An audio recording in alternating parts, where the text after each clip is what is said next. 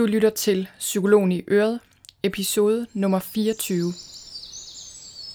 Velkommen til Psykologen i Øret. Jeg er psykologen Birgitte Sølstein, og Øret det er dit. I denne her podcast vil jeg egentlig bare gerne inspirere dig til et liv med mindre stress og mere af alt det gode. Tak fordi du lytter med. Hej og velkommen til den her episode, som jeg sender direkte fra vandkanten, eller næsten fra vandkanten i hvert fald. Jeg er i Thy i Vorbøre i den her uge ved Vesterhavet. Vorbøre er en del af det, der hedder Cold Hawaii, som er et sted, hvor der er lige så gode bølger som Hawaii, men der er lidt koldere. Og øh, det der med at optage lyd nede ved vandet, det har jeg prøvet før, og det fungerer overhovedet ikke, fordi det både er måger og blæst og bølger, der larmer helt vildt meget, øh, så det ikke er specielt rart at lytte til. Så, øh, så derfor optager jeg altså hjemme her i sommerhuset. Episoden i dag den er dedikeret til elementet vand. Og vandpsykologi, det er nok ikke lige den mest kendte form for psykologi. Jeg har faktisk aldrig rigtig hørt om vandpsykologi før. Men i dagens anledning, der vil jeg altså lære dig lidt om vandpsykologi, og mere specifikt vil jeg lære dig om tre måder, du kan bruge vand på, som vil mindske stress, og som vil gøre dig sundere og gøre dig i bedre humør. Hvis man kender mig som psykolog, så ved man, at jeg bruger naturen rigtig meget i mit arbejde. Jeg har et online-baseret forløb for stressramte, Vejen Hjem, hvor vi har et helt modul med naturterapeutiske øvelser, som øh, deltagerne er ret vilde med faktisk. Den her tilgang med at inddrage naturen, den virker rigtig godt for mange, når det kommer til stress. Og mange af mine deltagere og mine klienter, de fortæller, hvordan de faktisk bliver meget overrasket over, hvor meget det her med naturen betyder. Jeg oplever tit, at folk faktisk bliver meget rørte over, hvor meget de har savnet naturen, og, øh, og hvor meget naturen er kommet til at betyde for dem. Så øh, derfor har jeg altså besluttet mig for at lave en podcast episode til hvert af de fire elementer. Jeg ved ikke lige, hvornår de andre elementer kommer, men i dag der skal det i hvert fald handle om vandpsykologi. Man kunne sikkert sige en hel masse om vand, men i dag der vil jeg prøve at begrænse mig til de her tre ting. Så det er altså tre måder, du kan bruge vandet på for at få det bedre og trives bedre.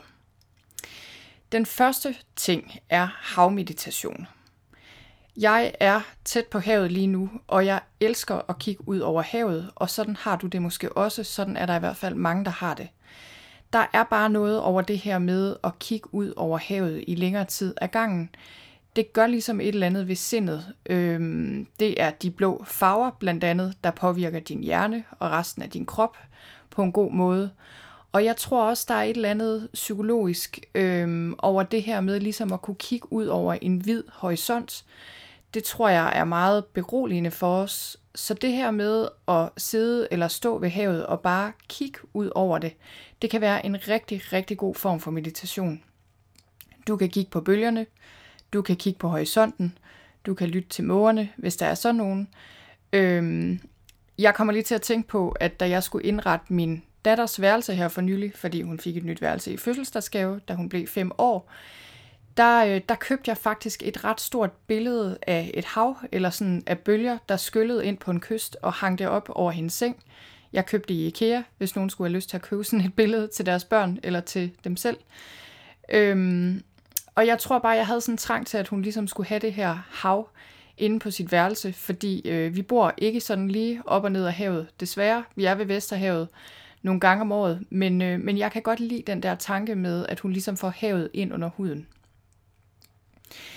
En anden måde, du kan meditere ved havet på, det er ved at lytte til lyden af havet.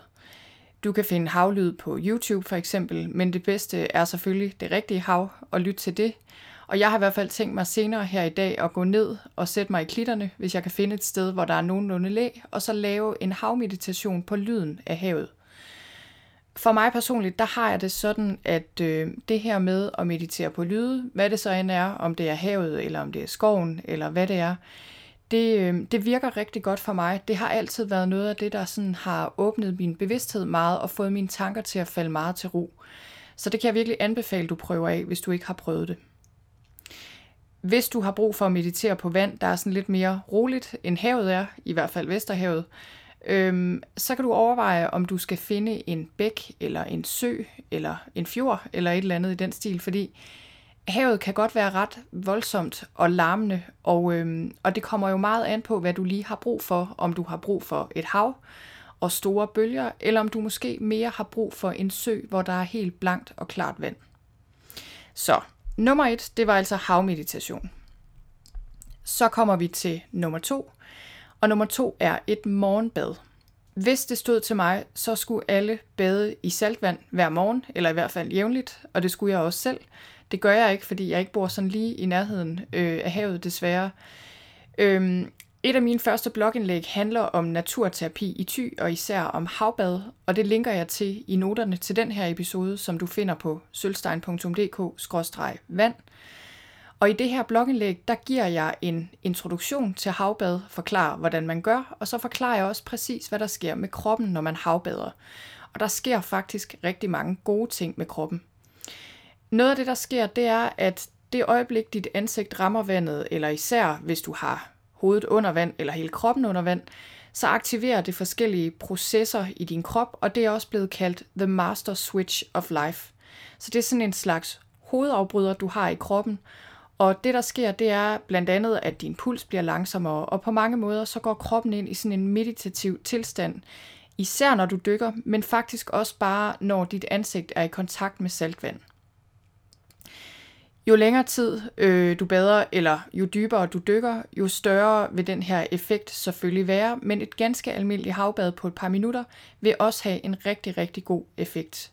Udover det, så udskiller kroppen også endorfiner, og endorfiner, det er sådan en slags morfin, som, øh, som kroppen selv producerer, så man får det rigtig godt af.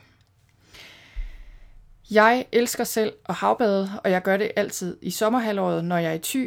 Men øh, noget andet, du kan gøre, og som jeg også nogle gange gør, hvis du ikke lige bor op og ned af havet, øh, eller hvis du bare ikke har lyst til at havbade, fordi du synes, det er for koldt eller for uoverskueligt at komme til havet, Øhm, noget andet, du kan gøre, det er faktisk at tage et koldt bad under dine bruser derhjemme om morgenen. Et koldt bad, det sætter også gang i alle mulige gode ting i kroppen.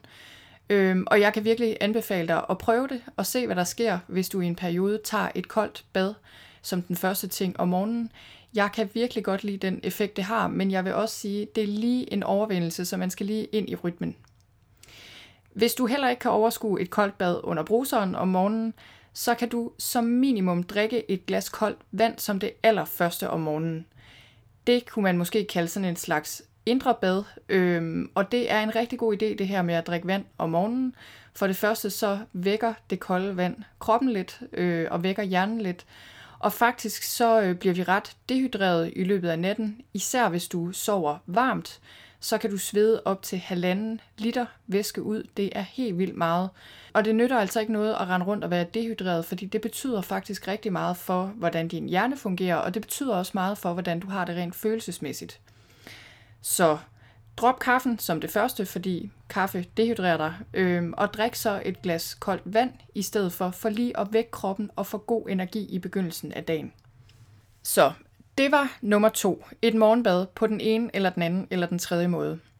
Den tredje og sidste ting, jeg vil nævne her, det er lidt i en anden boldgade, øhm, og det handler om at give rent vand til andre. Det at gøre noget godt for andre er noget af det bedste, du kan gøre for selv at få det godt. Altså at du gør noget godt simpelthen bare for at gøre det, øhm, og ikke for at få tak eller anerkendelse tilbage. Og man kan sige, der er jo mange måder, man kan give noget på. Og jeg vil mene, at de her små gerninger i hverdagen er nok de bedste, man kan give. Altså at holde døren for nogen, hjælpe nogen med noget, øh, gøre naboen en tjeneste, hvad ved jeg, gøre noget godt for dine børn, eller din mand, eller din kone. Men i anledning af, at vi taler om vandpsykologi i dag, så vil jeg fortælle om den velgørenhedsorganisation, som jeg selv giver et beløb til hver måned. Øh, jeg giver en del af overskuddet fra min virksomhed, og den organisation den hedder Charity Water. Og du kan finde links til Charity Water i noterne, og de ligger som sagt på sølvstein.dk-vand. Og faktisk så giver mine børn også en del af deres lommepenge til Charity Water, og øh, Charity Water er en organisation, der sørger for at give folk rent drikkevand rundt omkring i verden. Altså steder i verden, hvor folk øh, ikke har adgang til rent drikkevand eller har meget langt til drikkevand. Og grunden til, at jeg har valgt lige præcis den charity og ikke alle mulige andre, det er fordi, at rent drikkevand betyder øh, meget i sig selv. Selvfølgelig, det synes jeg jo burde være en menneskeret, at alle har rent drikkevand. Men, øh, men det betyder faktisk også meget for kvinderne og pigerne i de områder, hvor der er langt til vand. Fordi det er nemlig kvinderne og pigerne, der typisk henter vand. Og når de bruger deres tid på at hente vand, og det kan nogle gange tage hele dagen, fordi de måske skal gå flere timer frem og tilbage, øhm, når de bruger deres dag på at hente vand, så bruger de den ikke på andre ting, som for eksempel at gå i skole, øhm, og få en uddannelse, eller måske at gøre andre ting, der ligesom sådan kunne hæve familiens levestandard.